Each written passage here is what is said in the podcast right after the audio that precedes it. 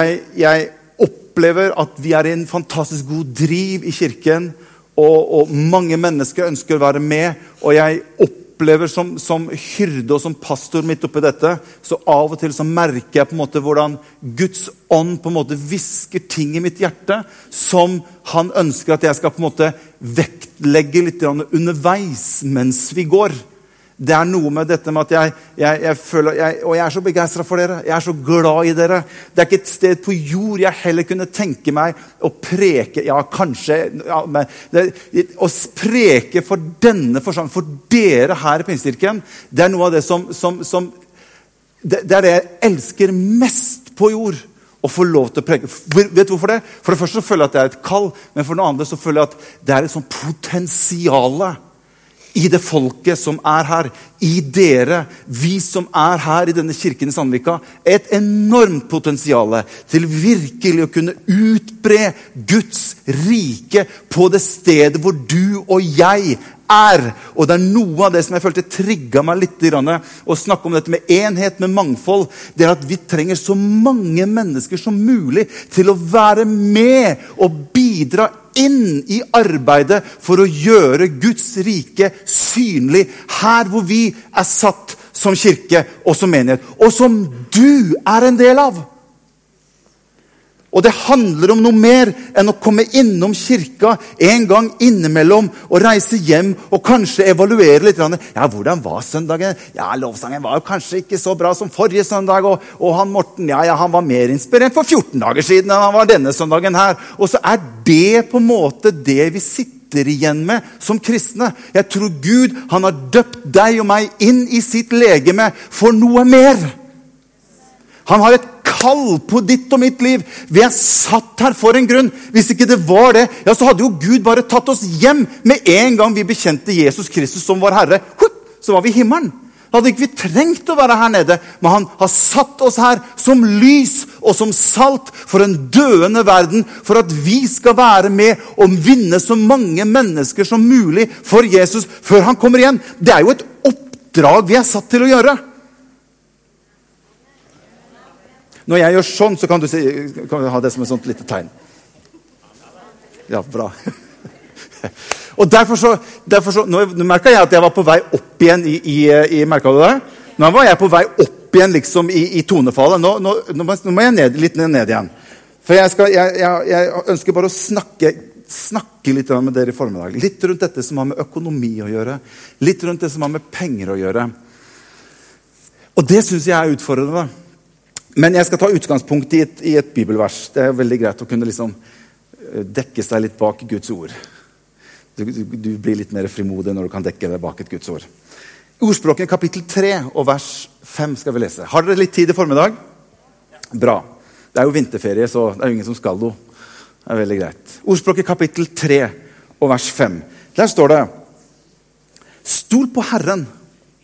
Et fantastisk vers som står her i, i ordspråkene. Stol på Herren av hele ditt hjerte. Og så står det Støtt deg ikke til din egen innsikt. Det ordet 'innsikt' kan like gjerne bety 'støtt deg ikke til de tingene som er av denne verden'. Støtt deg ikke til din utdannelse, eller støtt deg ikke til din jobb, eller støtt deg ikke til de materielle ting, eller støtt deg ikke de ting som ligger på utsiden. Støtt deg ikke til din egen innsikt, står det. Stol på Herren, og støtt deg ikke til din egen innsikt.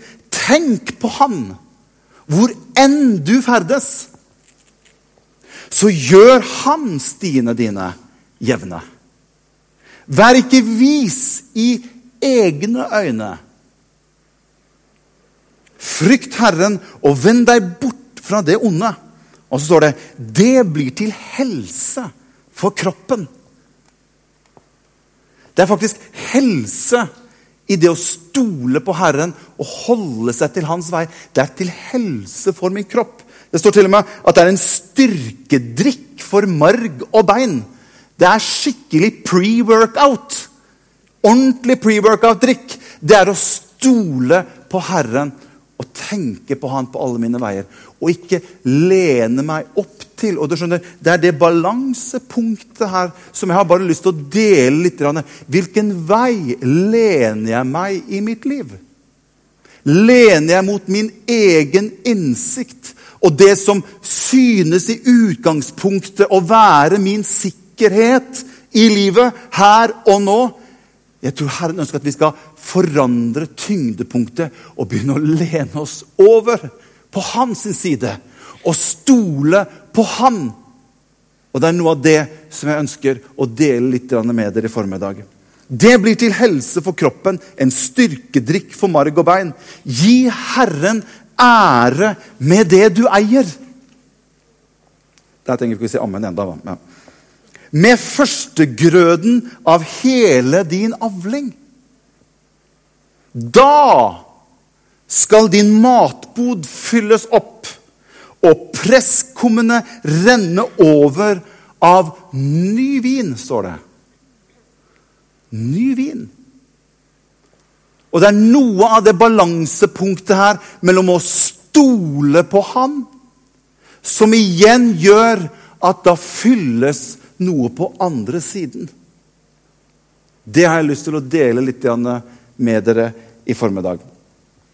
Det er to punkter. Punkt nummer én stole på Herren. Punkt nummer to å gi Herren ære med det du eier. Du vet at det å snakke om penger i kirken det, det har alltid vært litt følsomt. Hæ? Det er rart vi kan snakke om ganske mye i kirkesammenheng. Om si, ekteskap og forhold. og Nå snakker de til og med om sex i kirka. og Det er liksom ikke måte på hva man kan snakke om. Men når det kommer til penger, så er det et eller annet som skjer med oss alle sammen. Det blir litt følsomt.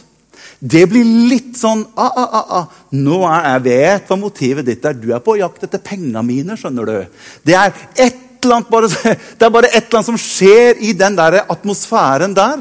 At når det kommer til det som har med penger å gjøre, da er vi forsiktige. Og jeg har stor respekt for nettopp den siden der. Fordi at penger er følsomt. Penger er veldig privat. Og det er derfor jeg opplever at dette koster og skal dele om. Jeg skulle gjerne heller ha snakket i formiddag om hvordan du kan få lov til å operere i Guds nådegaver og Guds kraft og, og, og, og andre ting som, som begeistrer oss. Men jeg føler Gud legger noe ned i mitt hjerte angående disse ting. som dette. Vi er i en god situasjon i kirken vår økonomisk. Og takk Gud for det! Han har velsignet og velsigner fortsatt Pinsekirken i Sandvika med god økonomi. Og det er litt derfor jeg også tar ting. For det er noe med at jeg tror ikke alltid at vi vil oppleve alltid like gode tider. Det vil komme utfordringer. Det vil komme ting som gjør at vi er nødt til å, å, å, å snu oss litt. Men Gud er med. Derfor så tar jeg og snakker om en del av disse tingene og være litt åpen og ærlig når det går bra. Er du med? Det kommer til å bli veldig stille. Det kommer faktisk til å bli enda mer stille i salen enn det er nå. Ok, Da kan du bare tenke deg. Men det er rart at når vi snakker om alt annet i kirken, men ikke om penger, det virker som at det er litt følsomt. Det som er rart, er at Bibelen snakker veldig mye om penger. Det er over 2000 skriftsteder i Bibelen som omhandler det som har med penger å gjøre. Hvordan jeg skal bruke penger, hvordan jeg skal forvalte penger, hvordan jeg skal forholde meg til penger. En tredjedel av alle lignelsene når Jesus, tenker på at Jesus han underviser mer om forvalte penger enn han underviser om dåp, enn han underviser om helbredelse, enn han underviser om nadvær. Det er bare én ting Jesus underviser mer om enn penger. Vet du hva Det er Det er Guds rike. Så penger i Bibelen er det, skrives det enormt mye om. Og hvorfor det? Jo, for jeg tror det er noe her som er så viktig for deg og meg som en troende å få tak på. Og det er noe av det som jeg ønsker å dele litt med dere i formiddag. Jeg har ikke snakket om dette med penger siden jeg tok over som, som, som, som pastor for denne kirken. Men jeg opplever nå har jeg følt det siste. Jeg bare tenkt Nei, ikke nå. Kan vi ikke, nei, kan vi ikke, kan vi ikke snakke om noe annet, Gud? Jeg opplevde i, i, i, i rekkefølgen av den forrige talen så opplevde jeg at Jeg vil at du skal inspirere folket.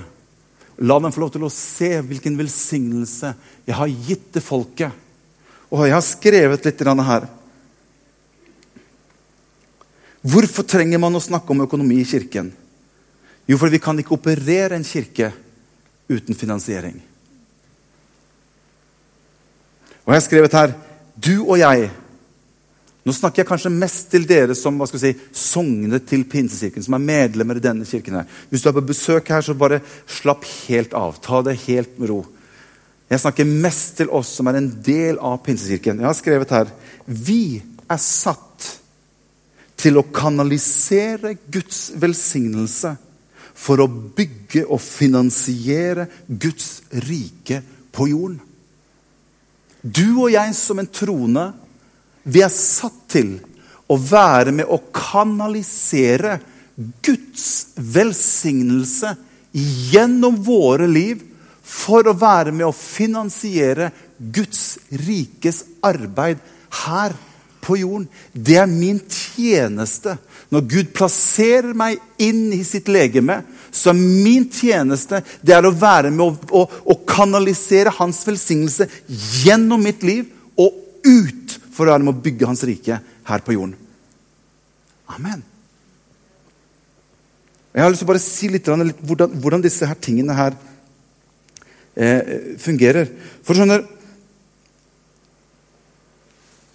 Jeg tror Jeg tror veldig hva, hva heter, det, det helt, Jeg fikk helt jernteppe. Han eh, Nato-sjefen Toralf, sønnen til Tor Stoltenberg. Jens! Morna, Jens, husker vi. vet du. Jens Stoltenberg han snakket veldig ofte om dette med, hva si, dette med spleiselaget i, generelt i samfunnet. Jeg tror at det er noe som har med spleiselag i kirken å gjøre også. Jeg tenker, Hvis jeg er ute med gutta og spiser pizza og, og, så, så, er vi ute og spiser pizza, og hver gang den regningen skal betales ja, han Hvor, hvor, er, hvor, er, han Morten? Var ikke han her og spiste pizza? Nei, han eh, Jeg vet ikke hvor han er. men og så Neste gang vi er ute, og så skal regningen betales igjen. og han Morten, Morten hvor, er, hvor er han Morten? Nei, han er på do. Han er på do hver gang vi skal liksom, Når det kommer til det å gjøre opp regninga, da, da, er han borte. Det ville vil jo, vil jo, oppleves litt rart hvis jeg var borte hver gang det var snakk om at vi skulle jo splei... Ja, om pizzaen var jo kjempegod. Det var en nydelig pizza. Så hvis jeg kommer tilbake liksom, Ok, gutta, har vi, har vi betalt, eller er vi klare til å gå? Ja, vi har betalt. Så kanskje de ser litt rart på meg, men du var ikke så veldig interessert i å være med og spleise på den pizzaen. Jeg kan godt legge dette som har med menighetsøkonomi, på en helt sånn hva skal vi si, menneskelig nivå. For jeg syns det er rart at jeg skal kunne gå i en kirke. Jeg, skulle, jeg skal kunne sette meg i min flotte bil i mine fine klær, ifra mitt fine hus og kjøre familien til denne fantastiske kirken. Jeg kan plassere barna mine i det fantastiske barnearbeidet vi har her i Kids Church. Jeg kan få sette ungdommene mine på Puls eller Connect 16. Og jeg kan få komme hit og nyte god lovsang Å, fantastisk undervisning og forkynnelse. Søndag etter søndag. Men jeg er ikke med og investerer en krone i det som foregår her. Skjønner du, skjønner du litt hvor jeg vil hen? Det er noe her som ikke stemmer. Det vil være rart. Rent sånn menneskelig Jens Stoltenberg-stil. Noe av det sosialdemokratiske Hvis vi tar det helt ned på den sosialdemokratiske linja, så tenker jeg, det Er litt sånn, er ikke det litt sånn felles ansvar? Når man er med at der jeg henter masse mat til meg selv, der er jeg også med og finansierer inn. Ligger, skal jeg være litt åpen med dere? Vi ligger i denne kirken her på mellom 2,5 til 3 millioner kroner i inntekt på tiende. Og jeg, jeg, liker tall. Jeg går ikke inn og sjekker hva folk gir. Glem det, det er, det er ikke sånn jeg holder på. Men jeg gjør litt matematikk. Og jeg har funnet ut at hvis resten av forsamlingen gjør det som mennesket gir i dag, så kunne årsbudsjettet vårt i kirken hos oss ligge på mellom 8 og 9 millioner kroner. I dag ligger det på 2,5 til 3. Hva kunne ikke vi gjort som kirke hvis resten av folket sier at vi vil også være med og være med å finansiere Guds rike, slik at Jesu navn kan bli enda mer kjent, og vi kan nå enda lenger ut, større og bredere. Hvilken slagkraft vi kunne fått. Amen. Så bare å se på tallene i seg selv sier meg at det er potensialet. Og hør, du og jeg får lov til å være med. Vi har masse vi ønsker å gjøre i denne kirken. her. Når vi sitter som lederskap, så har vi masse tanker og ideer. Men det er ofte at økonomi kommer inn. Og så begrenser det oss i hva vi ønsker å gjøre.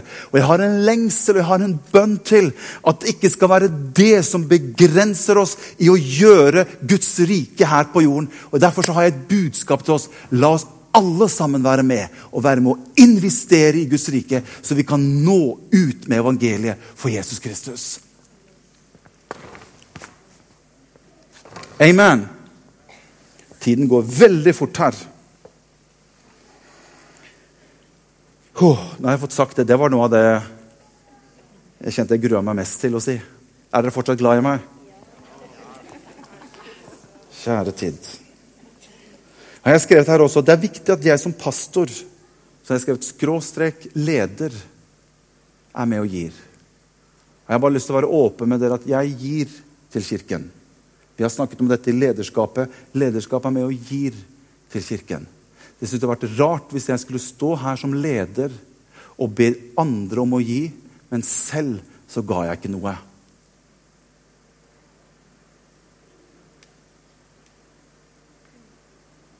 Ja, kan jeg krysse den også på lista mi?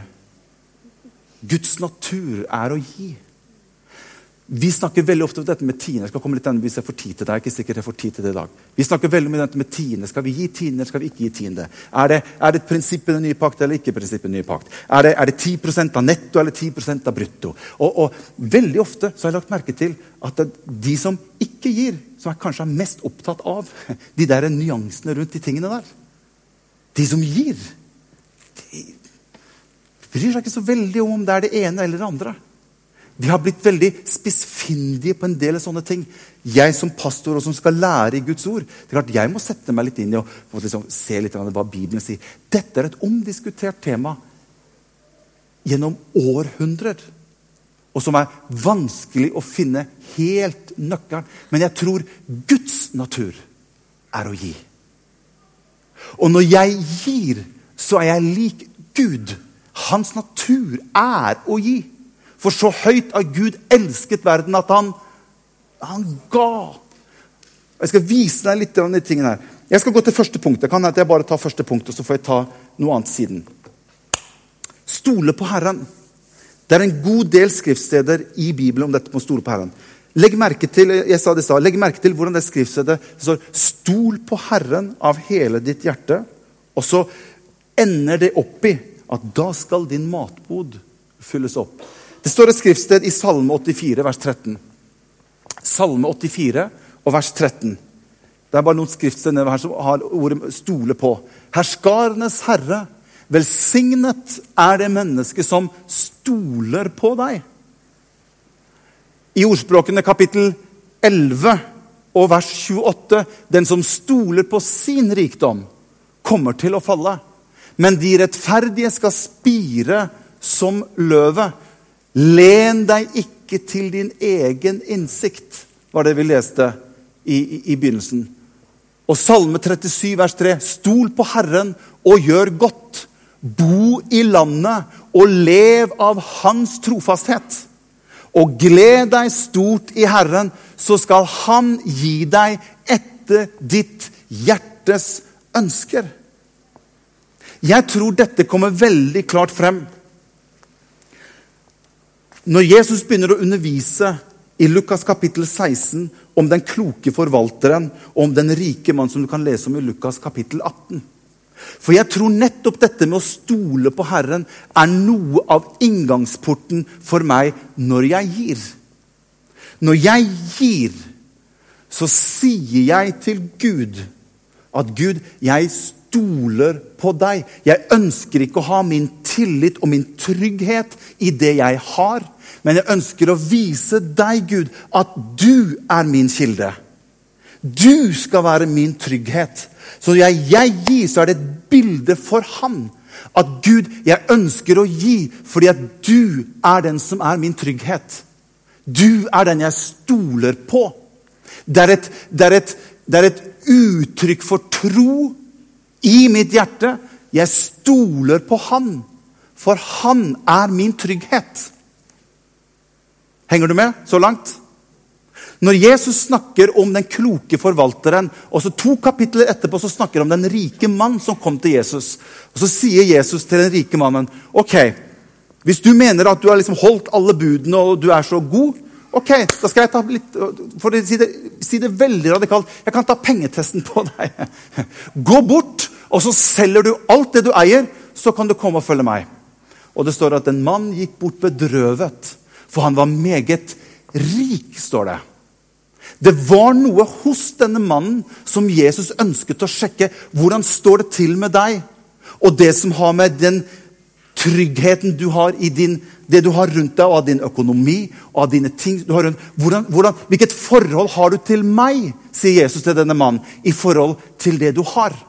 Er det det du stoler på, eller stoler du på meg? Og hør, han gikk bort.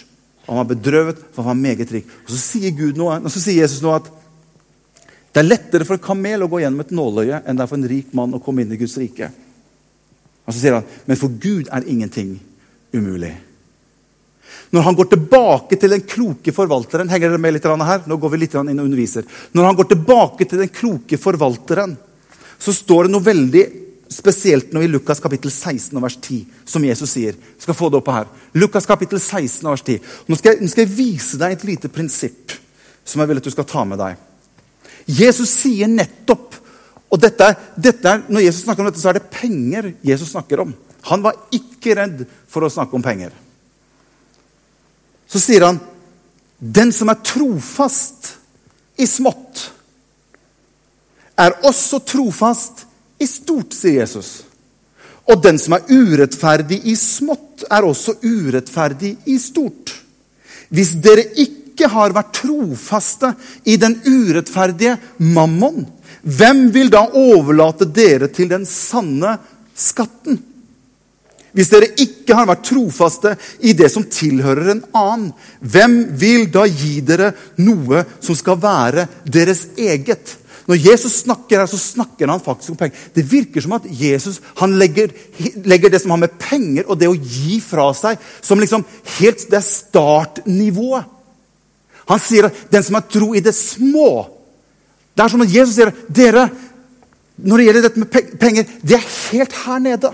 Så sier han hvis ikke du kan, ikke du kan begynne her du, du, du, er nødt til å lære deg å gå én kilometer før du kan løpe ti kilometer. Du er nødt til å kunne greie å løfte fem kilo før du kan begynne å løfte 50 kilo. Den som er Tro i det lille, sier Jesus. Han kan jeg begynne å sette over det som er større. Men det begynner her i det små. Hvis du holder igjen mot den urettferdige mannen, hvis det som har med din materielle ting, hvis det holder fast på deg, så er det vanskelig for meg, sier Jesus, å begynne å gi deg og sette deg over ting som er større. For det som har med penger å gjøre, det er helt i begynnernivå.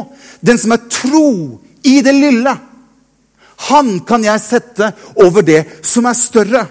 Og jeg vil si, Hvis du ønsker å vokse i din tjeneste overfor Gud Dette her er radikal, klar undervisning. Hvis du ønsker å vokse, så må din givertjeneste være i orden. Det virker som at Jesus sier det begynner der. Og jeg vet at dette er følsomt. Men jeg ønsker bare å være trofast imot det jeg opplever er Guds ord inn i sammenhengen. Jeg tror det er Guds natur i deg og meg å være med å gi. Og så inn i Guds rike. Og på den måten så forteller jeg Jesus jeg ønsker at du skal være min kilde. Jesus, jeg ønsker at du skal være min ressurs. Og gjennom at jeg gir Så det er ikke pengene i første omgang Gud er på jakt etter. Alt tilhører Han. Men han ønsker at du og han skal ha et forhold mellom dere to, hvor du sier at 'Gud, jeg stoler på deg'. Og ved at jeg gir, så gir jeg et uttrykk for, ved tro i mitt hjerte, at du skal være min kilde. Du skal være den som velsigner meg. Du skal være den som fyller mitt liv. Og jeg ønsker å gjøre det gjennom helt enkelt, basic, start.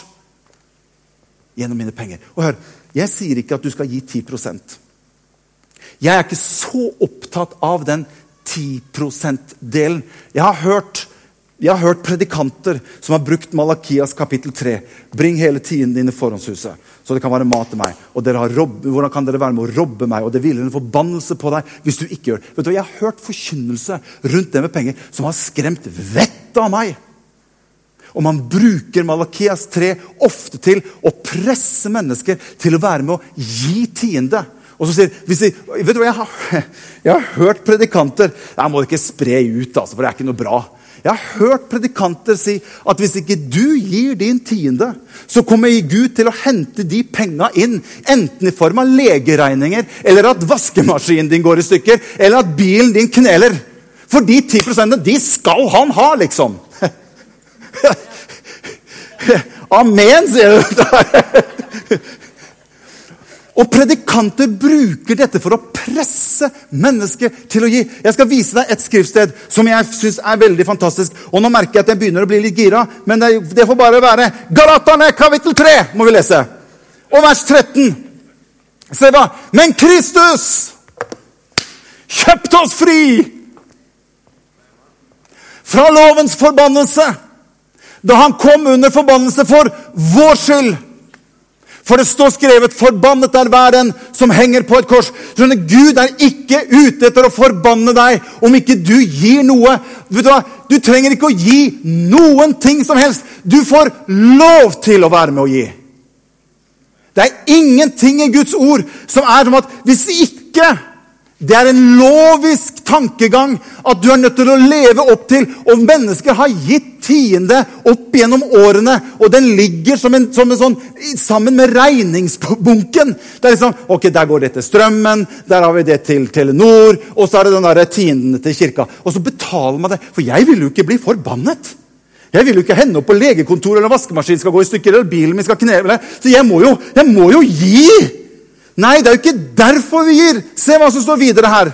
1. Korinterbrev 13, vers 3. Du skjønner, Det har noe med hjertet mitt bak det jeg gjør når jeg gir som Guds barn. Der står det om jeg gir alt jeg eier, til brød for de fattige Ja, om jeg gir meg selv til å brennes, men ikke har kjærlighet Hva står det? Da har jeg ingenting vunnet. Det hjelper ikke at jeg betaler tiende hver måned. Og det er bare sånn Jeg vil jo egentlig ikke dette her, men jeg vil jo ikke bli forbannet heller. Ok, da! Og så, og, og, så er, Hvordan måte er Gud er jo ikke sånn! Det er ingen forbannelse for deg og meg. Og jeg har snakket med mennesker som, som, som, som lider innunder dette. Du er fri, min venn. Jesus han har kjøpt oss fri, og han har velsignet deg med all åndelig velsignelse i himmel og på jord. Jeg kan ikke få blitt mer velsignet. I Kristus har han velsignet meg. Men han har satt meg inn i sitt rike, slik at jeg kan få lov til å begynne å åpne opp for at hans velsignelse kan begynne å flyte igjennom mitt liv. Og da er det ingen begrensning for hvor mye han kan få lov til å la strømme igjennom mitt liv. Men det er noen nøkler her for å begynne å få denne velsignelsen til å strømme på en god måte. Og det gjør at jeg elsker å være med å gi. For Kristi natur har tatt bolig i meg. Og jeg ønsker å være med å finansiere det som har med Guds rike å gjøre. Da begynner motivasjonen å komme i orden. Og det er da jeg tror at du begynner å høste noe av det du sår. Fordi at motivet bak er at jeg ikke ønsker å bli forbannet. Men motivet bak er at hans kjærlighet i meg gjør at jeg ønsker å være med å så inn i Guds rike. Og hans velsignelse kan begynne å strømme igjennom ditt liv. Velsignet for å velsigne. Hvis trenden vår i gave, eh, si, gavetjenesten er 'jeg gir fordi jeg skal få', Det er jo en egosentrisk tanke i seg selv. Det er ikke Guds tanke. Nei, jeg gir, og så fyller Gud på.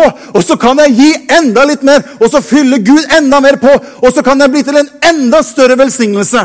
Den som er tro i det lille, han kan jeg begynne å velsigne med enda mer. Men jeg kan ikke løpe maraton før jeg har lært meg å gå en kilometer.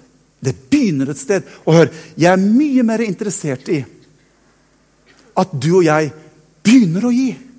Jeg, jeg har snakket med mennesker som sier jeg har ikke gitt på mange år. For jeg trodde jeg liksom aldri jeg, jeg liksom, 10% har vært for mye for oss. og Det, det er trang økonomi, og derfor har, vi, derfor har vi utelatt å gi. Hør. Jeg, jeg, jeg må hoppe over. Telefonen min har stoppa. Tiden er ute. Og jeg hadde mye, mye mer her. Se her. Andre, vi, vi tar siste, siste foil. Halleluja. Du blir bare halvveis velsignet når jeg får bare halvveis Nei, det er bare tull. Andre Korinterbrev, kapittel 9 og vers 6. hør, det kan godt hende at noen blir fornærmet på meg på dette. her. Jeg føler likevel at jeg ønsker bare å dele noe av Guds prinsipper. For å være med å hjelpe deg om å forløse oss inn i en velsignelse som kan begynne å flyte enda sterkere. Jeg husker, jeg husker en gang jeg sto utenfor skolen til, til, til barna våre på Midtbygda skole. Og jeg hadde mista jobben. Jeg hadde en ålreit jobb, og jeg står der ute. Og jeg var ganske fortvila. Og mens jeg står der, så plutselig så hører jeg bare Gud si til meg, Martin, hvem er din arbeidsgiver? Og Jeg husker bare jeg sto der, jeg husker bare jeg slo. Pang! Rett inn i mitt hjerte. Og jeg visste, jeg visste hva han ville med det. At Martin, hvem er din arbeidsgiver? For jeg hadde hatt så lett for å lene meg til den tryggheten på andre siden, min egen innsikt. Så kom Gud og sa, 'Morten, hvem er din arbeidsgiver?' Er det meg, eller er det tryggheten du har på utsiden? Hvorfor kan ikke du stole på meg, Morten? At jeg kan velsigne deg, og ditt liv kan bli til en velsignelse for mange andre mennesker.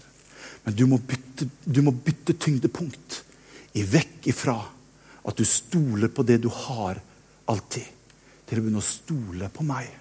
Jeg ønsker å være din kilde. Og fra den dagen så snudde det. To dager etterpå hadde jeg jobb. Og jeg tjente dobbelt så mye som jeg hadde gjort i min forrige jobb. Og etter det så har Gud velsignet meg. Og jeg, jeg, jeg ønsker bare å si det høyt for dere for Gud. Jeg er velsignet.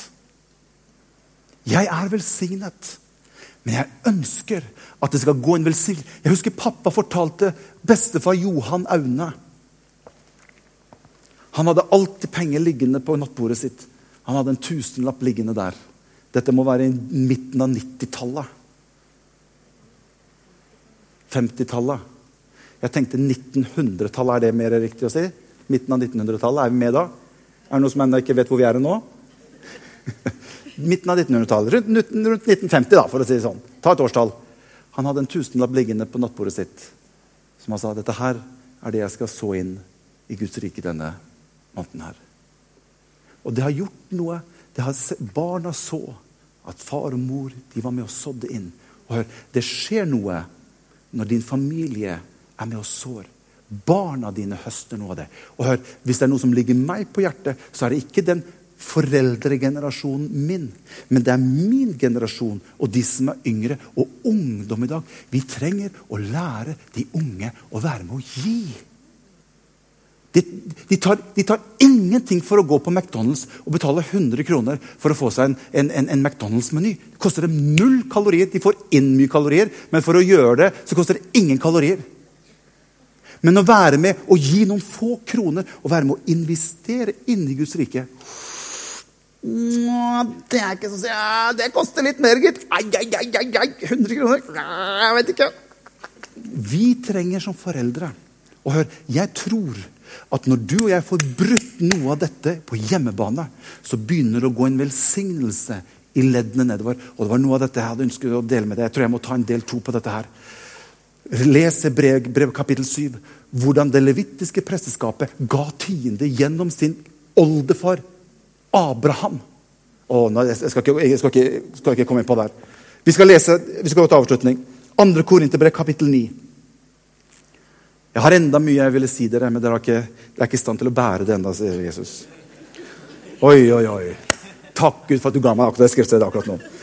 Andre Korinterbrev, kapittel 9, vers 6. Men dette sier jeg. Den som sår sparsomt, skal høste sparsomt. Og den som sår rikelig, skal også høste rikelig. Enhver skal gi slik han har bestemt seg for i sitt hjerte. Og så står det ikke motvillig eller av tvang. For Gud elsker en glad giver. Og jeg vil si til dere Om du ikke greier å gi 10 så skal du ikke føle deg for noe. Men jeg sier, begynn å gi. Begynn å få det hjulet til å begynne å komme i gang. Om det så er 10 kroner eller 50 kroner hva? Begynn å få den velsignelseshjulet til å begynne å gå. Og så kan du i tillit til Jesus, du og han, utvikle et forhold som gjør at din tillit til han, at jeg kan stole på han mer og mer. Og så begynner dette toget å gå av velsignelse. Det er det som skjer. Og da begynner du å oppleve en utrolig glede i ditt hjerte å være med og gi. Og hva så står det videre? Og Gud er mektig til å la all nåde komme til dere i overflod, så dere alltid og i alle forhold skal ha nok av alt som trengs, og kan ha overflod til all god gjerning. Halleluja! Du, Paul, står, Jeg hadde et skriftsted helt i starten. Jeg tror det var det andre skriftstedet. Det kommer et skriftsted til her. Det er bonus. Andre krønikebok, kapittel 31. Jeg syns det var litt morsomt. Se hva som står der. Øverstepresten Asarja fra Sadoks hus svarte han og sa etter at folket begynte å bære offergaven inn i Herrens hus, har vi hatt nok å ete og enda fått mye til overs. For Herren har velsignet sitt folk. Slik er denne store mengden blitt til overs. Du skjønner, Om det er 5 eller 10 eller 15 eller 20% det er i utgangspunktet det er det at du kommer inn i denne velsignelsen av å være med og så inn i Guds rike.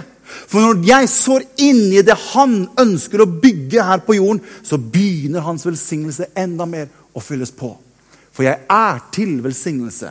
Jeg mottar velsignelse, og jeg er til velsignelse. Jeg bare gir det videre. Og hør, den lille gutten som ga den lille pakka si med to fisker og fem små brød, han satt igjen med tolv kurver fulle av mat etterpå, når han hadde gitt og stolt. Ok, Gud, nå stoler jeg på deg. Dette er det eneste jeg har. Jeg gir deg det. Og så satt han tilbake med tolv kurver fulle av mat. Det viser Guds natur i det at du og jeg kan være en giver.